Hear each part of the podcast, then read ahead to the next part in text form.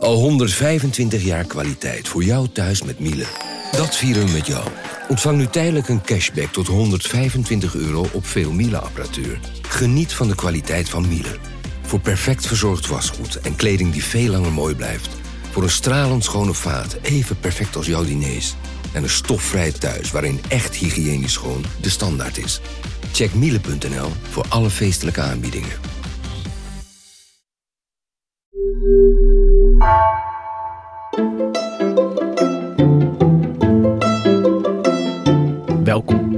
Wij zijn Onbehaarde Apen. Dit is een podcast van NRC over wetenschap.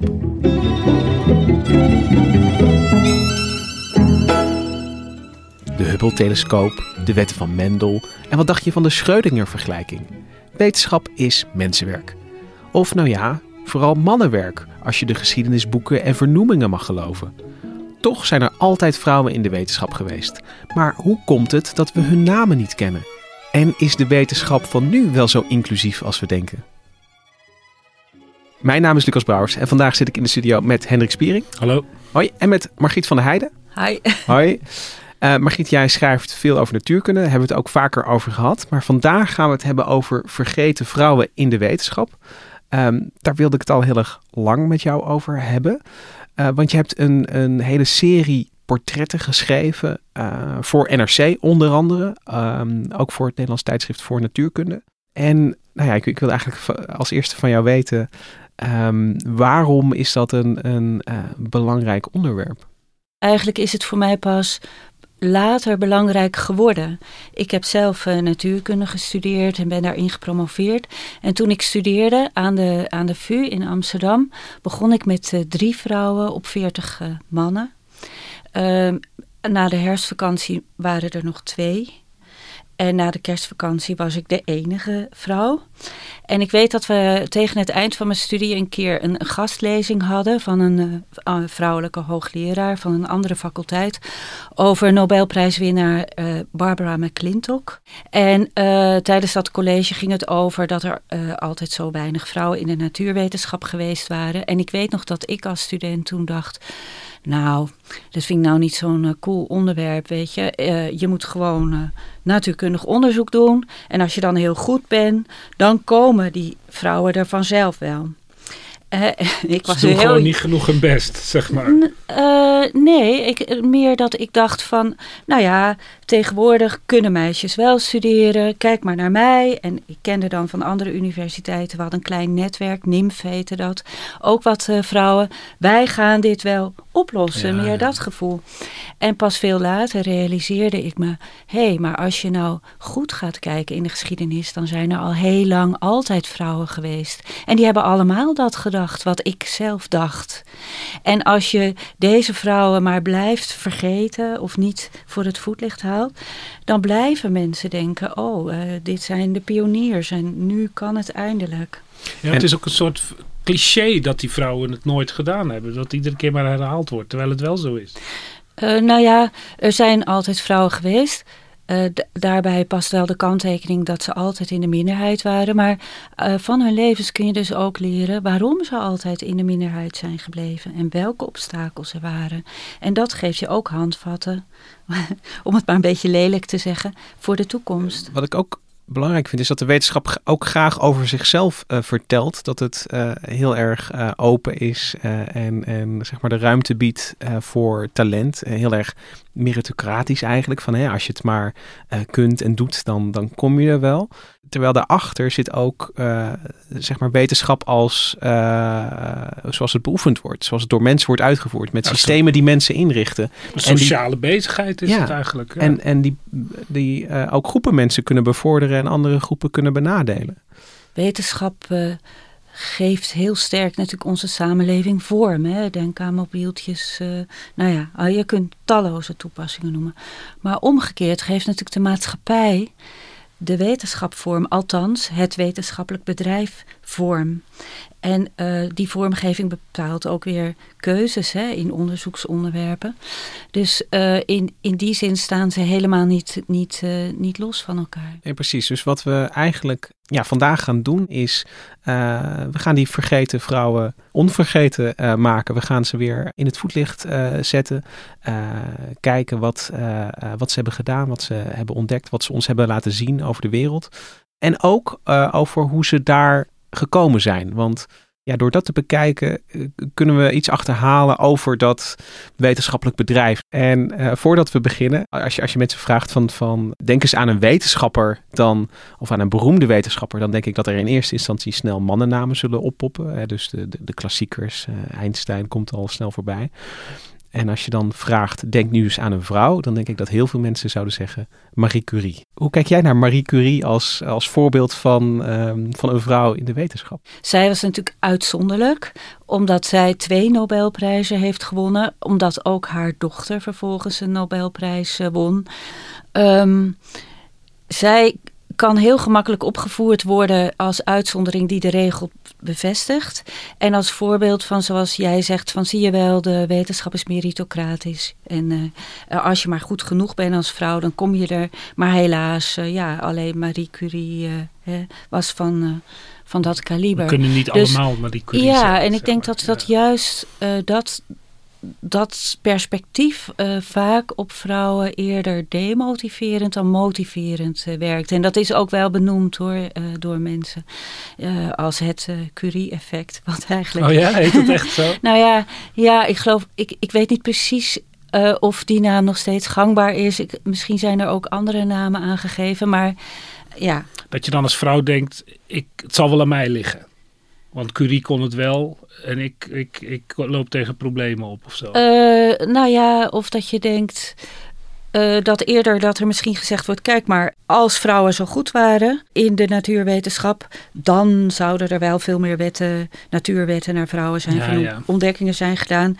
En nou ja, er was alleen uh, Marie Curie. Ja. Dus eigenlijk bevestigt zij dan juist het beeld... Curie is dus de naam die iedereen kent. Maar wat we deze aflevering gaan doen, en daar heb ik heel veel zin in, is uh, namen die iedereen vergeten is. Ja, weer, weer noemen. En dan uh, ben ik heel erg benieuwd, uh, Margriet, bij wie we gaan beginnen. Ik wilde beginnen met Laura Bassi. Zij werd geboren in 1711. En dat is eigenlijk in de tijd waarin de natuurwetenschappen zoals we die nu kennen voor hun vorm kregen. Um, dus aan het eind van de... Um, 17e eeuw had Newtons en Principia geschreven. Werden de natuurwetenschappelijke methoden met uh, experimenten uh, ontwikkeld. Een beetje zo hè, op de manier zoals we ze nu kennen. En iets daarna in 1711 dus werd Laura Bassi geboren. En zij schopte het tot de eerste vrouwelijke hoogleraren in Europa. En ik denk ook in de wereld. En in welk land was dat? Dat was in Bologna. Dus in, in wat nu Italië is. Ja, ja, toen was, het, toen? natuurlijk wat anders georganiseerd. Ja, Oostenrijk-Hongarije, denk ik. en, en, Laura Bassi wordt daar uh, geboren. Um, krijgt zij dan uh, als meisje al onderwijs? Hoe is dat dan geregeld in, in Bologna in die tijd? Nou, Laura Bassi had het geluk dat ze uit een uh, wel-to-do familie stamde. Dus zij kreeg thuisonderwijs. En dat was echt, als je terugkijkt, goed georganiseerd. Latijn, Frans, Grieks, logica, natuurwetenschap, wiskunde of meetkunde. En dat krijg je dan een, van een tutor bijvoorbeeld? Ja, in, er kwamen huis. mensen uh, aan huis en een daarvan was uh, Cartono uh, Catoni. En uh, die stak overal de loftrompet over haar, dat zij zo slim was, zo intelligent. En dat kwam ook de aartsbisschop van Bologna ter oren, Lorenzini Lambertini. En die liet haar in 1732, dat was vijf jaar nadat Newton was overleden, haar 49 stellingen, die zij zelf had opgeschreven, verdedigen. En dat leverde haar een dokterstitel op. Dus zij kon uh, promoveren. En uh, heel kort daarna mocht ze ook toetreden tot de uh, Academie van Wetenschappen in Bologna. En weer iets later kreeg ze ook een speciale leerstoel aan de Universiteit van Bologna. Ja, de oudste van Europa. Ja, en um, uh, wat wel zo was, zij mocht de universiteit enkel betreden bij hele speciale gelegenheden. Als er uh, hoog bezoek was of een promotieplechtigheid. En dat raakt wel een klein beetje aan wat je tegenwoordig nog ziet. Je zou uh, een beetje beledigend kunnen zeggen dat ze daarbij een soort excuustruus yeah. was. Maar dat is te, te zwaar aangezet. Maar je ziet wel vaak dat als organisaties dan een vrouw hebben. Hè, en ook zie je dat bij uh, natuurwetenschappelijke instituten, als je een paar decennia geleden kijkt, dat die dan ook gelijk naar voren werden geschoven als stoken vrouw. Ja, maar het grote verschil is dat ze op andere dagen dus niet naar binnen mocht. Ze, uh, zij mocht op andere dagen helemaal niet naar binnen. En zij deed iets heel verstandigs. Zij dacht heel goed na over met wie ze ging trouwen. Zij trouwde een man die ook van natuurwetenschap hield. En uh, die ook uh, haar het licht in de ogen gunde, zeg maar. Dus zij schreef aan een, uh, aan een vriend: Ik heb iemand gekozen die dezelfde weg van studie bewandelt als ik. En die mij, daarvan heb ik me al eerder verzekerd, niet van dat pad zal proberen nee. weg te voeren. dat is natuurlijk bijzonder uh, belangrijk natuurlijk. Ja, ja. ja en dat, dat is leuk, want in, in, ik heb natuurlijk voor die serie veel vrouwenlevens beschreven. En dat zie je echt dat dat een hele belangrijke voorwaarde is. Je kan beter ongehuwd blijven dan met een man uh, huwen, zeg maar, die uh, niets in jouw activiteiten uh, ziet. Als je carrière wil maken, althans. Ik bedoel, de, de wetenschap was nog niet zo uitgekristalliseerd in aparte vakgebieden, neem, neem, ik even aan, in de 18e eeuw. Dus had zij, maar had zij wel een terrein waarin zij, ja, waarin ze veel onderzoek deed, waar ze bekend om staat? Ja, natuurkunde. En dan uh, was het in die tijd, uh, was zij vooral geïnteresseerd in uh, elektriciteit. Oh. Dat was toen, toen er werd net een studie gemaakt van allerlei elektromagnetische verschijnselen. En zij en haar man kochten een groot huis, waren allebei rijk. En uh, kochten ook allerlei meetapparatuur en voerden thuis heel veel experimenten uit. En zetten ook thuis een heel onderwijsprogramma op. Uh, de universiteit was daar op zich blij mee. Dus ze kreeg ook salarisverhoging. En er kwamen dus allemaal studenten bij haar thuis college uh, volgen. En zij werd uiteindelijk Lambertini, de aartsbisschop. Die was paus geworden en oh. benoemde haar tot een select groepje van wat hij Benedictijnen noemde. Een select groepje binnen die academie van Bologna. Om die weer meer leven in te blazen. Dus zij creëerde thuis echt een, een uh, levendige onderzoeksomgeving. En ook wel interessant dat dus zeg maar uh, in de grosso modo kloppen de clichés vaak wel. Maar dus dat de, een aartsbisschop en een paus een vrouw zo stimuleert en de kansen geeft, dat, ja, ja. dat gebeurde dus ook. Ja, en uh, dat zullen we ook nog in de andere verhalen uh, zien. Religie en uh, wetenschap worden vaak als tegenstanders van elkaar gepresenteerd. En dan wordt er ook verwezen naar de rol van de kerk en religie hè, bij het klein houden van vrouwen. Uh, maar dat is niet per se een wet van mede en, uh, en persen dat dat altijd gebeurt. Uh, want interessant bijvoorbeeld over dat groepje Benedictijnen hè, binnen die academie... is dat na de toetreding van Bassi twee andere vrouwen ook toetraden ja. tot dat groepje Emilie du Châtelet, die het werk van Newton in Frankrijk verspreidde. En uh, Maria uh, Gattani Agnesi, die uh, uit Milaan kwam, wiskundige was. En die tot hoogleraar wiskunde werd benoemd. Maar dat is een beetje een twijfelachtig verhaal, omdat zij zelf diep religieus was en tot een klooster toetrad en eigenlijk nooit colleges heeft gegeven. Dus er wordt nog steeds over getwist of ze nou wel of niet echt hoogleraar was. Ja, dus er is natuurlijk de, de, de, de titel en uh, of je ook uh, nou ja, doet wat een hoogleraar mm -hmm. doet. En, en van Bassie kun je wel zeggen dat ze met, met haar onderzoek aan huis en de colleges die, die ze daar gaf, ja, weliswaar niet aan de universiteit, maar wel als een hoogleraar uh, in ieder geval onderwijs gaf en onderzoek deed. Ja, absoluut. En ze had ook contact met heel veel andere geleerden, zoals Alessandro Volta. Maar wat echt bijzonder is dat ze tussendoor ook nog acht kinderen kreeg, drie overleden jong. En wat ook wel een les is, is dat de zaken weer heel snel kunnen keren. Na haar dood uh, uh, ontstond in 1796 oorlog hè, in uh, Bologna. Napoleon ja, kwam eraan. De, de Franse verovering Italië. de Franse ja. verovering van Italië. En daarbij werd de bibliotheek van de Academie van Bologna zwaar beschadigd. En het werk van Bassi is dus grotendeels verloren gegaan. En Napoleon vond ook dat er eigenlijk uh, geen vrouwen in de wetenschap thuis hoorden. Dus het was weer afgelopen met de vrouwen. En dat is iets wat je vaak uh, terugziet, ook in de periode daarna. Het gaat even goed, ja.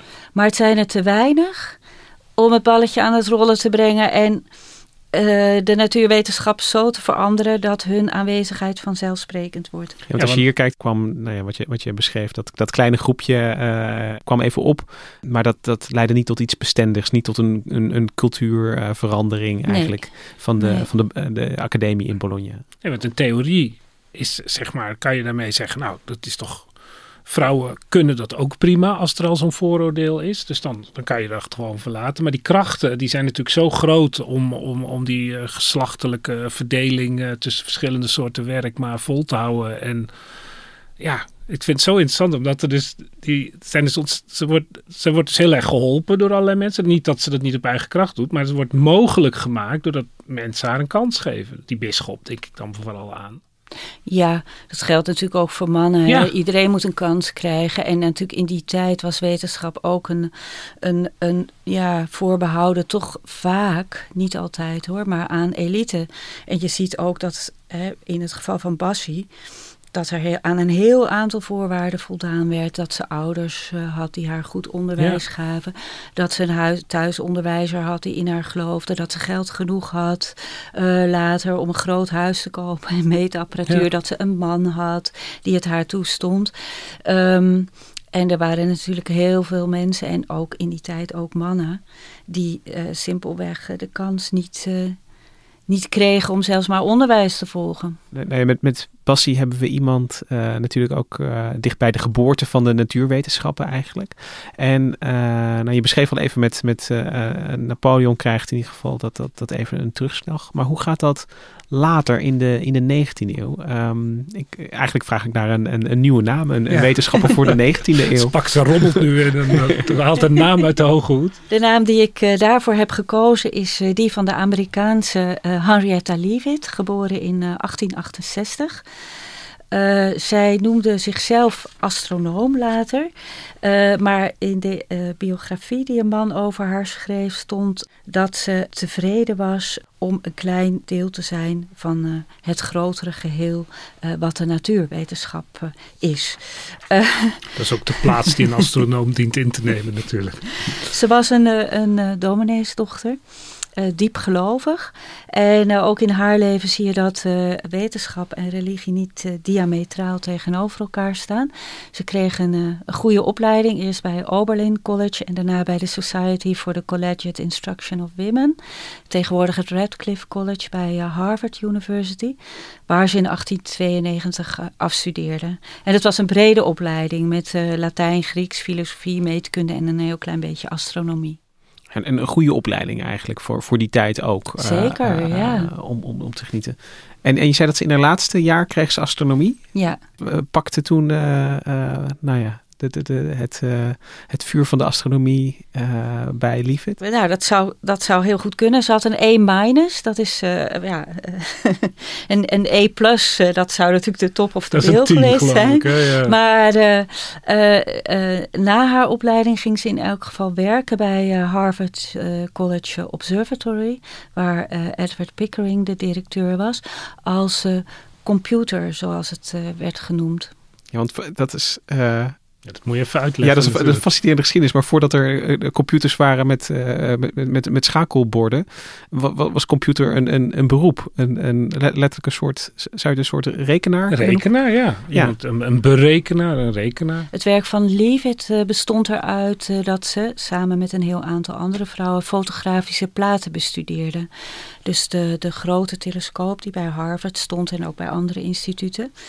Uh, daarmee werden uh, fotoopnames gemaakt. Van een heel ander type dan we tegenwoordig moeten voorstellen. Hè? Want we hebben het over eind 19e, begin 20e eeuw.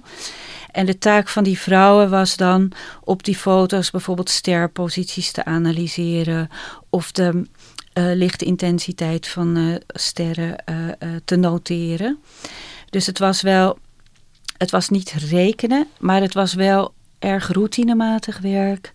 En uh, werk wat heel nauwkeurig uitgevoerd moest worden. En dat werd in dit observatorium ook echt als een uh, vrouwenbaan gezien. Dat Ja. waren alleen vrouwen die, op de, die, die deze baan uitoefenden. Ja, die vrouwen, die vrouwen mochten niet de telescoop bedienen of eh, zelf bedenken wat voor onderzoek ze eens met die data gingen doen.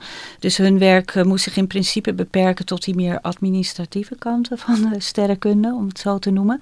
En aanvankelijk werkte ze ook, eh eh, eh, Leavitt ook onbezoldigd.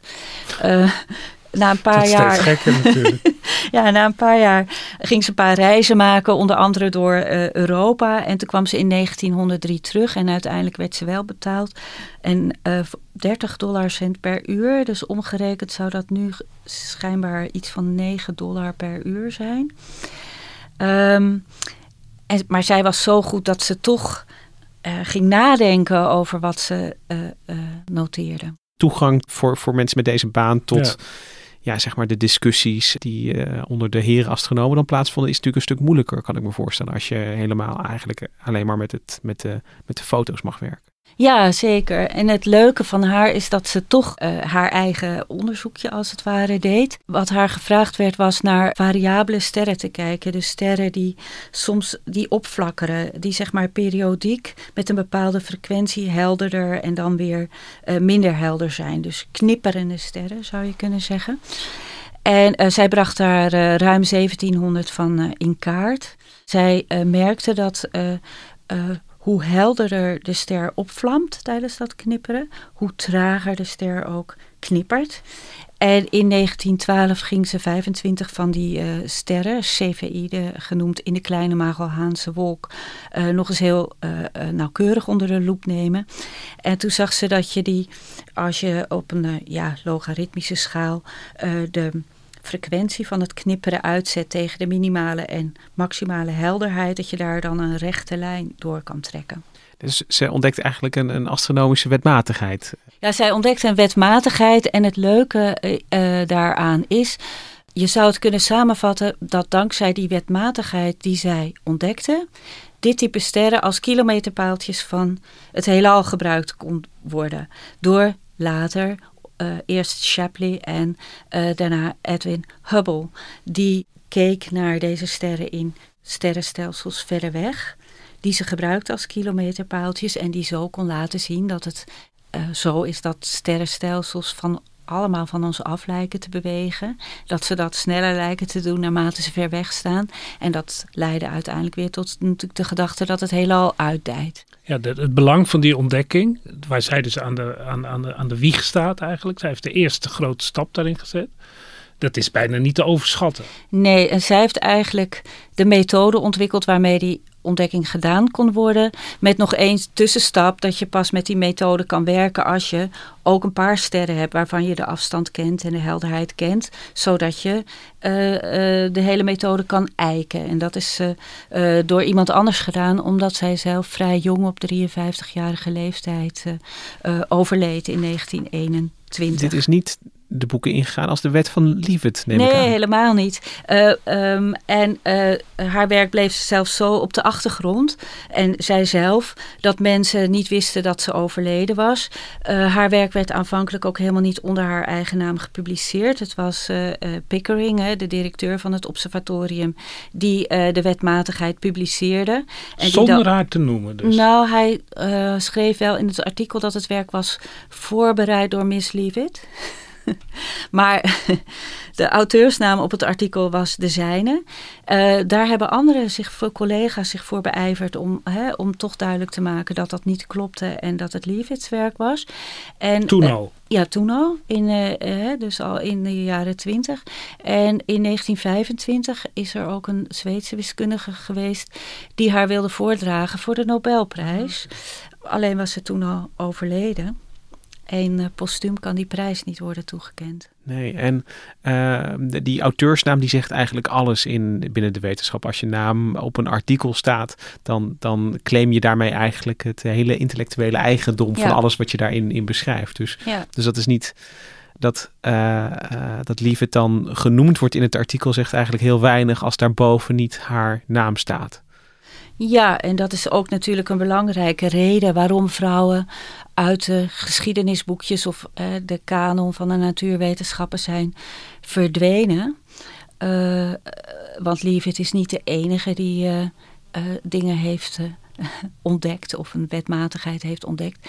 Maar als jij in een ondergeschikte positie verkeert, hè, en zij had, was ook niet gepromoveerd of, of zo, hè, ze was gewoon een intelligent iemand.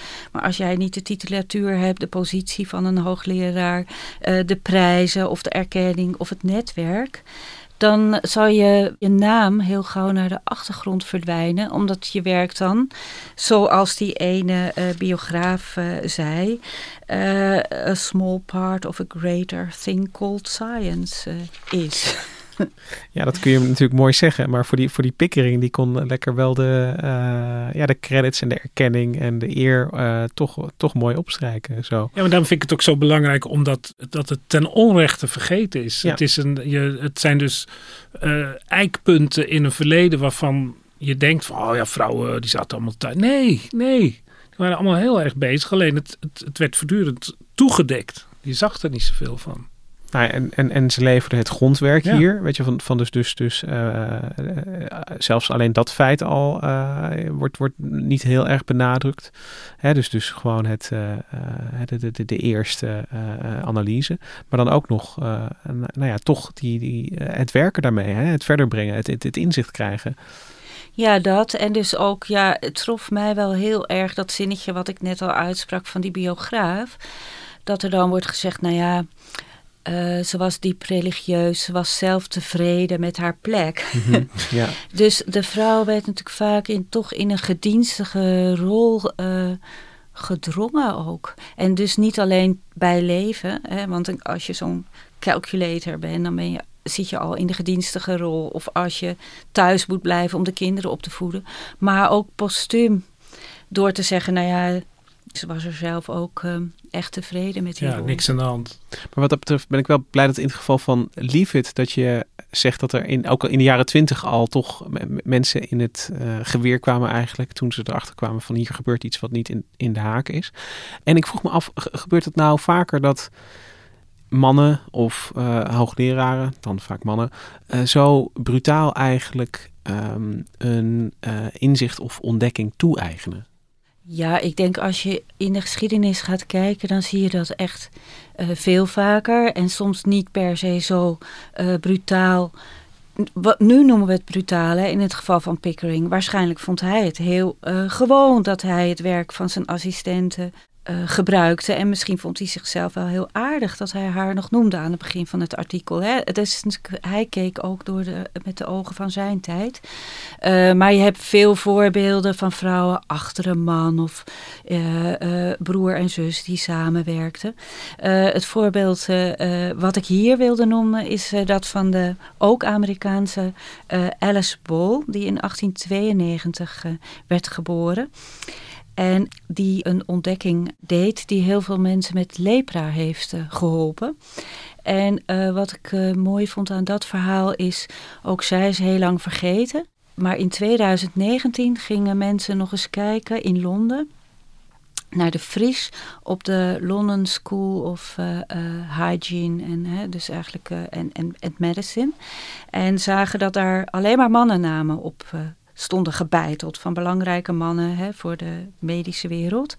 En toen zijn drie namen toegevoegd van vrouwen, van Marie Curie, uh, van eh, Florence Nightingale en van Alice Paul. Ah, ja. Maar terwijl ik uh, Curie en Nightingale heb ik al eerder gehoord, maar Bol nog niet. Dus ik, ik ben benieuwd, wat, wat heeft zij ontdekt, bijgedragen? Ja, Bol was de dochter van een journalist en de kleindochter van een fotograaf. Uh, zij zelf studeerde farmacie en farmacologische chemie. Uh, en haalde dus twee bachelors in Seattle aan de University of Washington als zwarte vrouw, wat heel bijzonder was in die tijd.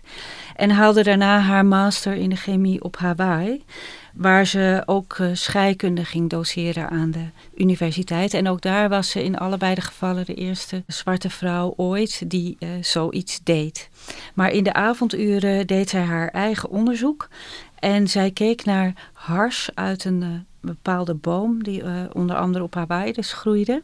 En in die hars zat een werkzame stof die sommige mensen met lepra hielp. En lepra was in die tijd echt een afschuwelijke ziekte en ook heel besmettelijk. En dat betekende dat als je lepra had, dat je dan soms ook naar een leproze kolonie ja. werd uh, verbannen. Om, om, om de gemeenschap te beschermen. Dat waren harde, harde tijden, ja. Ja, dat is echt verschrikkelijk als je daarover nadenkt. Dat mensen dan, ook in het geval van Hawaii, op een uithoek van het eiland ja. werden gezet. Echt afgezonderd van de rest van de samenleving.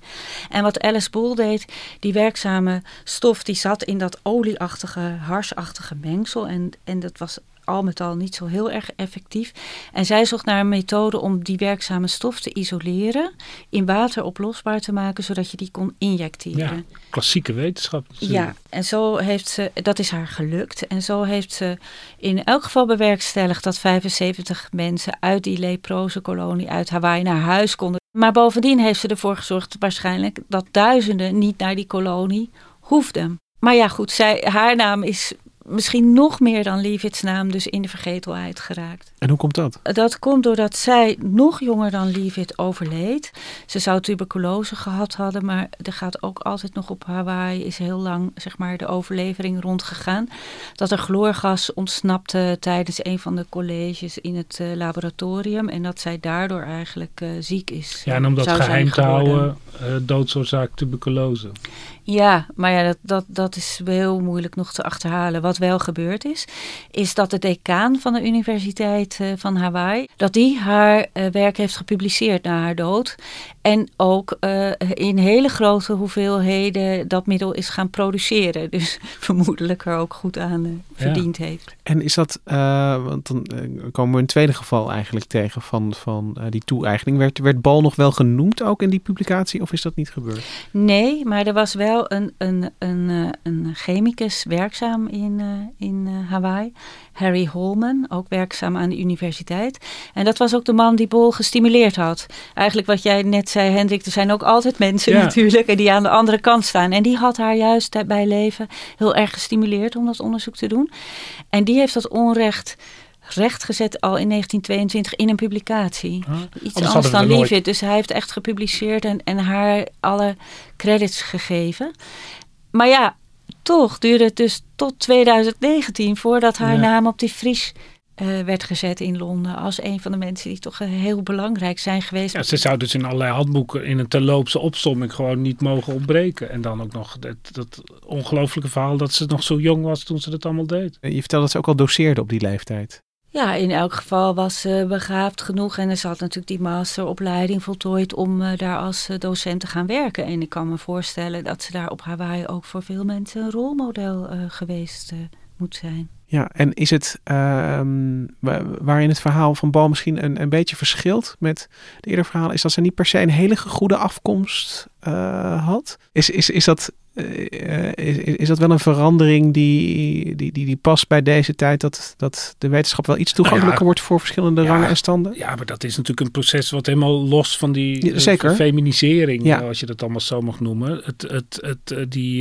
in de 17e en 18e eeuw waren het, zeg maar, ja, de hoge heren en een enkele dame die op, met eigen geld dat deden.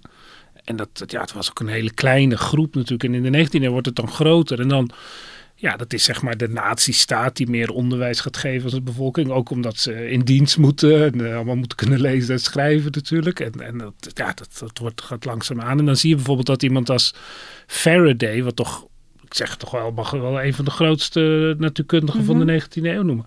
Ik geloof zijn vader uh, heet dan een eenvoudige hoefsmid te zijn.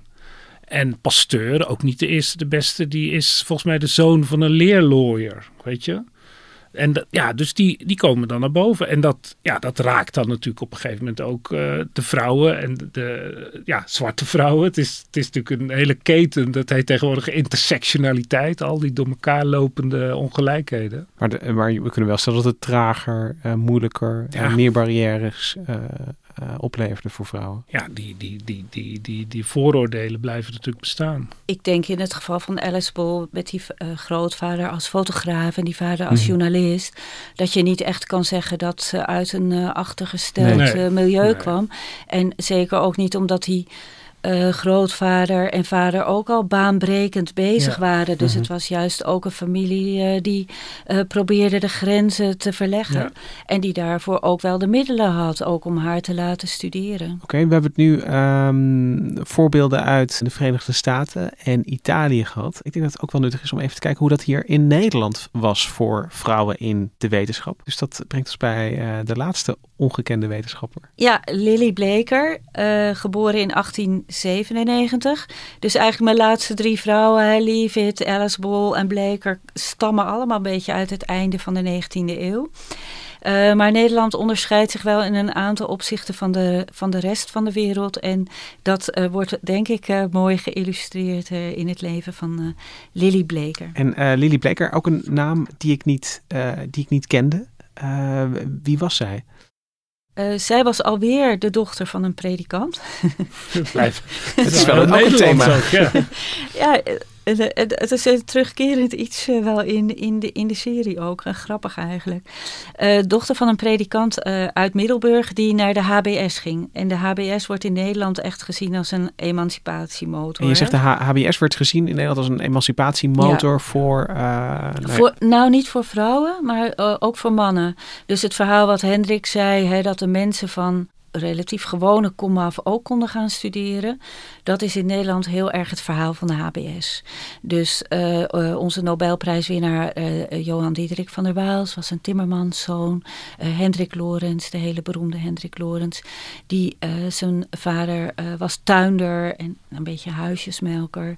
dus de HBS maakt het mogelijk voor kinderen die niet uit de elite kwamen en die normaal gesproken niet zomaar naar het gymnasium zouden gaan, om toch een opleiding te volgen waarmee ze naar de universiteit gingen. En dan in dit geval meestal een beta-opleiding. Ja, want zo was de HBS ook ingericht. Dat het dus niet meer Grieks en Latijn en uh, zeg maar die hele humaniora eh, cultuur die in Nederland natuurlijk eh, bijzonder sterk was, en overal eigenlijk, maar echt de moderne wetenschap stond centraal. En dat, ja, dat heeft enorm veel opgeleverd. Ja. En hoe bijzonder was het dat Bleker daar naartoe ging als meisje? Nou, wat het, wat het grappige is dat uh, tot 1906 moesten meisjes toestemming, vragen aan de minister om naar de Aan de minister? Ja, en uh, daarna mochten ze gewoon er naartoe. En wat je eigenlijk ziet in Nederland is dat de belangstelling van vrouwen voor natuurwetenschappen groot was. Dus in die eerste lichting, nadat Aletta Jacobs was hier de allereerste die naar de universiteit ging, maar rond 1900 waren er heel veel vrouwen die kozen voor medicijnen, voor farmacie ook heel veel. Maar ook wel voor natuurkunde en wiskunde. Zelfs van alle vrouwen was zo'n 70% die meer voor die richtingen koos. Bijvoorbeeld niet voor het recht, want daar mocht je toch niet als vrouw in werken. Dus je ziet eigenlijk zodra die, die poorten een, een, een beetje open gaan, uh, dan, dan stromen de vrouwen binnen. Ja, nou ja, dat gaat natuurlijk eerst wel mondje, mondjesmaat. Maar uh, hun aantal groeit en rond 1920, dus net na de Eerste Wereldoorlog, is bij uh, de wis- en natuurwetenschappen, met uh, dus medicijnen en farmacie inbegrepen, is 30% van de studenten vrouw. En, het zijn hele kleine aantallen vergeleken bij nu natuurlijk. Nee. Nee, maar ik bedoel, toen gingen in oh, Nederland oh, totaal. Ja. ja, de totale populatie, maar die 30% Nee, 30 is, is enorm veel. Ja. Toen, toen ik uh, in de jaren 80 studeerde bij natuurkunde was 2% vrouwen, kan je nagaan. Hè? Dus het is daarna helemaal ingestort. En hoe komt dat dan? Uh, dat komt naar mijn idee vooral door het koninklijk besluit uit 1924 dat vrouwen verboden te werken in overheidsdienst zo gauw ze huwden. En als je dan denkt aan een vak als bijvoorbeeld natuurkunde, waarmee je uh, docent werd aan een HBS of aan een universiteit ging werken, betekende dat feitelijk dat vrouwen het zij carrière konden maken, maar dan altijd mejuffrouw bleven ongetrouwd. Of trouwden maar dan werkeloos werden. En dat zag je ook. Dus uh, in de jaren 30 was van de gepromoveerde vrouwelijke natuurkundigen 90% werkeloos. En nou ja, het is natuurlijk geen wonder dat uh, de vrouwen dus ook sloten om dan maar geen ja. uh, natuurkunde meer ja, te het is, Maar het is extra wrang, want je, je gaf net aan weet je, van dat, dat vrouwen dan ook natuurlijk strategisch kiezen. Hè? Dus dat ze Mhm. dan, dan ehm, niet voor het recht kiezen, maar juist voor de natuurkunde, omdat er dan wel dingen mogelijk zijn. Maar dat, die, die, die route wordt eigenlijk al, al eh, kort daarna Afgesneden. afgesneden. Ik krijg bijna de indruk dat het een reactie is op die toeloop van de vrouwen. Dat het dan eh, het... het is toch niet Ik, normaal ik eigenlijk? weet het niet, want dat koninklijk besluit, dat is toen in 1924 aangenomen, werd heel erg gepropageerd door de christelijke Ja. regeringspartijen. Dus daar zit, nu zien we wel weer een oppositie eigenlijk hè, tussen kerk en Ja. de emancipatie van vrouwen in de wetenschap. En, eh, maar het is wel aangenomen. Het reflecteerde wel de mores in de maatschappij. Hè? Want een groot deel van de maatschappij dachten, was het hier gloeiend Ja. mee eens. Ja. Interessant is dat Nederland neutraal bleef in de Eerste Wereldoorlog. Waardoor dus in alle landen die wel meevochten, Frankrijk, Duitsland, Engeland, Amerika ook een beetje. Een mannentekort Een ontstond. mannentekort, die ging allemaal naar het front. Een bekend verhaal natuurlijk. En die Mhm. fabrieken werden bemand door de vrouwen. Dus dat, Mhm. dat leidde tot een veel grotere emancipatie. Die in. Nederland achterbleef. En dit is daar eigenlijk ook wel een aanwijzing voor, vind ik. Ja. En, en hoe lang heeft dat koninklijk besluit bestaan? Het is te danken aan eh, Corrie Tenderlo dat het in eh, 1956 Ja. eh, werd afgeschaft. Het ging samen met de handelingsonbekwaamheid van vrouwen. Hè. Dus vrouwen mochten niet zelf een bankrekening openen. Als ze getrouwd waren. Als ze getrouwd waren, geen geld opnemen, geen huis kopen, geen auto kopen. Dus het was echt de man die huishoudgeld gaf. En je zag ook nog echt in de jaren 50, bijvoorbeeld in Vrij Nederland, een hele discussie over dat huishoudgeld en waarom het misschien toch wel goed was dat de vrouw eh, huishoudgeld kreeg. En ook toen het werd afgeschaft, betekende het niet meteen natuurlijk dat de wereld veranderde. Want het was ingeslepen in het hele gedachtegoed. Dus 30 jaar Het was lang. overgenomen door Ja. bedrijven. Dus het heeft nog heel lang nageijld. Ja, ja. Ja, daar heeft mijn moeder ook wel eens over verteld. Ja, dat het vanzelfsprekend werd geacht. Zij Mm. werkte er nog een tijdje door. Toen ze in 1960 trouwde. Maar dat... eh, En eh, even terug naar Lily Bleker. Ja. Want, want die, eh, Ja. ik bedoel, we hebben nu de geschiedenis eigenlijk doorlopen. af. Maar, maar, maar Li- Li- Lily Bleker heeft dit beleefd. Want Ja. eh, zij gaat naar de HBS als dat, als dat kan. als, als die toegang er is. Maar hoe gaat deze nou ja, wetgeving door haar leven spelen? Ja, zij, ik, zij is echt een held voor mij. Zij ging in Utrecht natuurkunde studeren, promoveerde in 1928, cum laude bij Leonard Ornstein. Eh, en werd eh, eh, kort daarna hoofdassistent in zijn lab. Maar Lily Bleker was veel te rebels om eh, als mejuffrouw daar in het lab rond te lopen. Waarbij toch, denk ik, door alle mannen die daar werkten... een enigszins gedienstige houding werd verondersteld. ja, ze van, ga jij maar koffie halen of zo? Ja, er is later ook Ornstein heeft andere vrouwelijke promovendi gehad. En de, degene die is gebleven, die had ook echt de rol van cadeautjes kopen met Sinterklaas en de thee schenken. Ja. Maar goed, Lily Bleker dacht, dat doe ik niet. Ze ging weg bij het lab, maar ze trouwde ook niet. Ze ging samenwonen met Gerard Willemsen en richtte haar eigen fysisch adviesbureau op. Ze had eh, goede contacten met Frits uh. Dat was een eh, optica-expert en eh, hoogleraar in Groningen.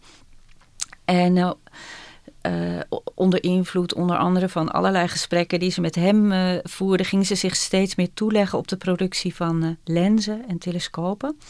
En haar bedrijf groeide uit in Utrecht, in panden aan de Korte Nieuwstraat, tot een bedrijf met 25 medewerkers in 1939, toen eigenlijk in Europa de Tweede Wereldoorlog uitbrak. En eh, dit is, zij richt dus eh, zelf een, een adviesbureau op. Ja, met, met, met een compagnon dus. Maar Mhm. eh, eh, dus, dus te- terwijl eh, de, de overheid eigenlijk ja, zich- de- de- die route wordt afgesneden, die wordt afgesloten. Eh, en de reactie van, van Bleker is dus niet om, om dan, eh, dan, dan thuis te zitten, maar dus om door te gaan. Om ja, dus, dan doe zelf- ik het zelf wel. dan doe ik het zelf. En ze creëert haar eigen eh, Ja. omgeving eigenlijk Ja. met dat bedrijf ook Ja. natuurlijk. Ja. Dat zelf doen, die autonomie, die karakteriseert haar totaal. Eh, toen de oorlog uitbrak, weigerde ze direct om eh, met de Duitsers samen te werken. Ze had eh, onderduikers in haar fabriek. In eh, 1944 viel daarom de veldgendarmerie binnen. Die wist zij lang genoeg aan de praat te houden om de onderduikers de kans Wat te geven te ontsnappen. En Willemsen en Blekers moesten onderduiken en de fabriek is totaal leeggeroofd. En na de oorlog heeft zij met een herstelkrediet heeft zij, eh, een nieuw bedrijf opgebouwd met een koninklijke onderscheiding. En ze heeft ook dat herstelkrediet echt tot de laatste cent eh, terugbetaald. Zij was echt ontzettend stoer, vind ik. Na de oorlog is ze met lenzen blijven werken. Ja, ze heeft in Zeist uh, Bleker Optiek NV opgericht. En het Handelsblad uh, berichtte bij de opening van dat mooie moderne gebouw. Uiteindelijk werkten er zo'n 150 mensen. Dat uh, tot directeuren zijn benoemd de heren Bleker en Willemsen. Want ja, de, de gedachte dat Bleker een vrouw was, hè? De, vrouw dokter Bleker, ja. dat zat niet in, ja, zat gewoon niet onder de hersenpan van de redacteuren. Um, en en zij zet dat bedrijf dus ook gewoon voort eigenlijk als, uh, als, als, als directeur samen met, met Willemsen. Ja, ja. En uh, nog steeds in hele nauwe samenwerking met Frits Zernike.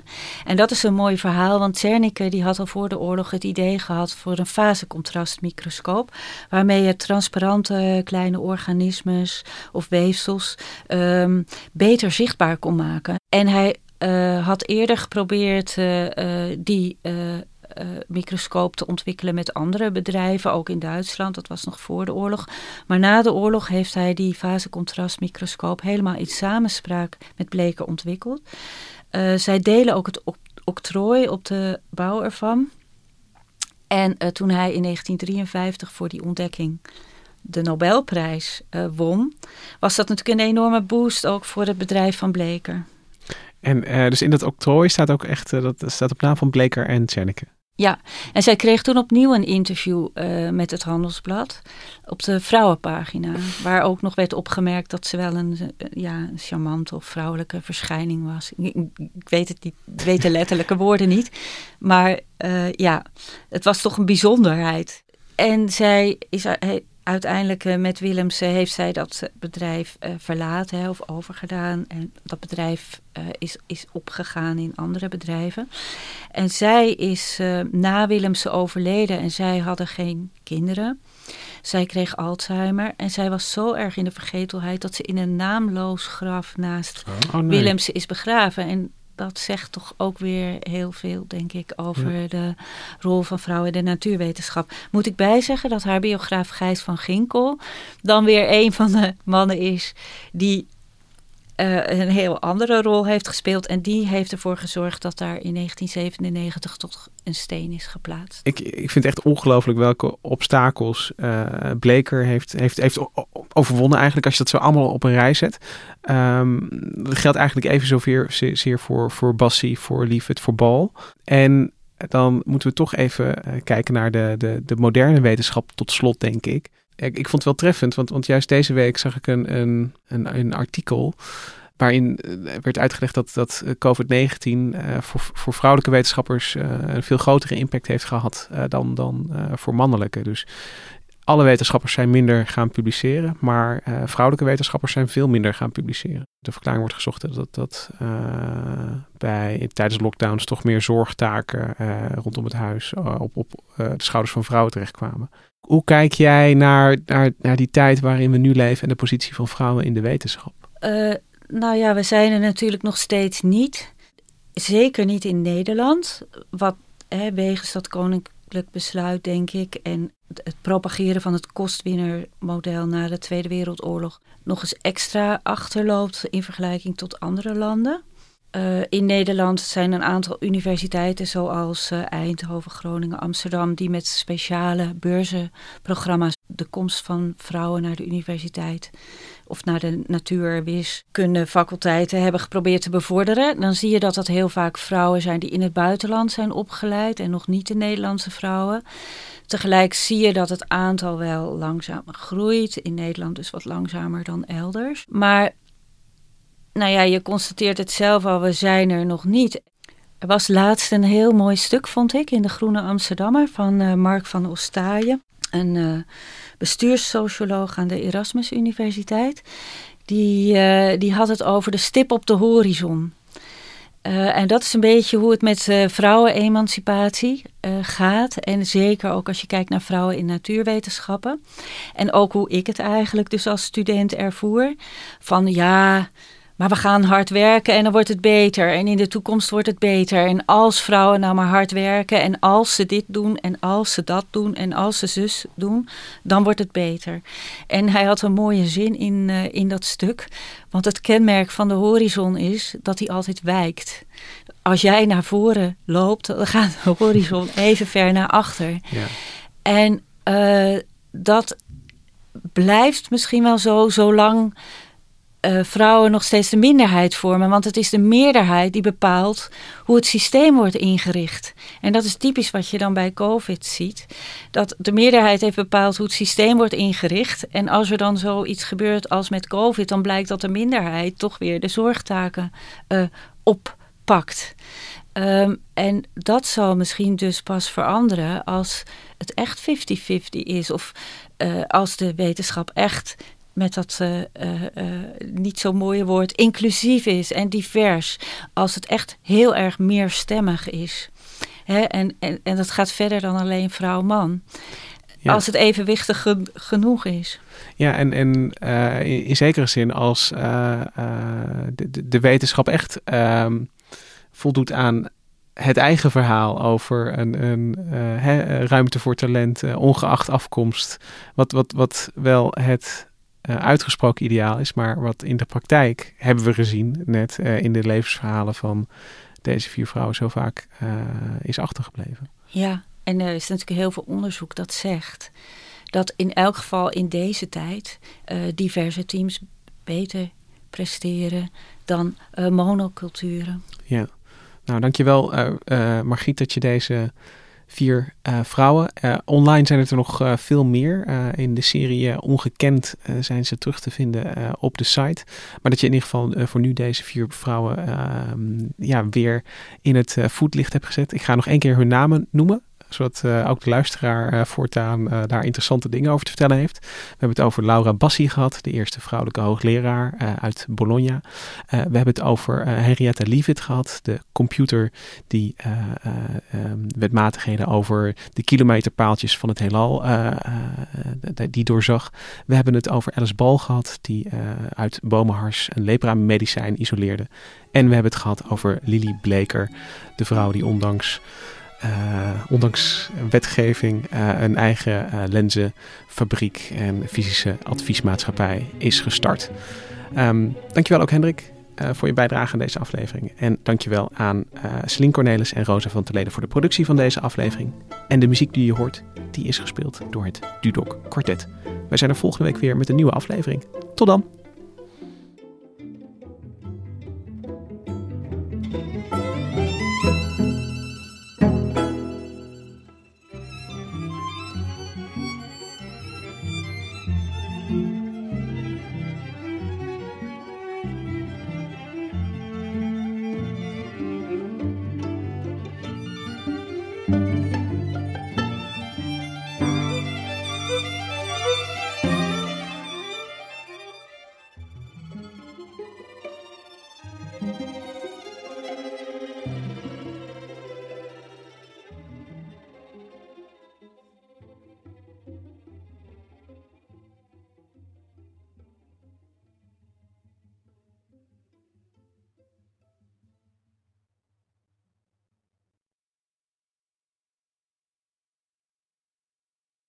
Technologie lijkt tegenwoordig het antwoord op iedere uitdaging. Bij PwC zien we dit anders. Als we de potentie van technologie willen benutten, kunnen we niet zonder een menselijk perspectief. Human-led, tech-powered noemen we dat. Ga naar pwc.nl.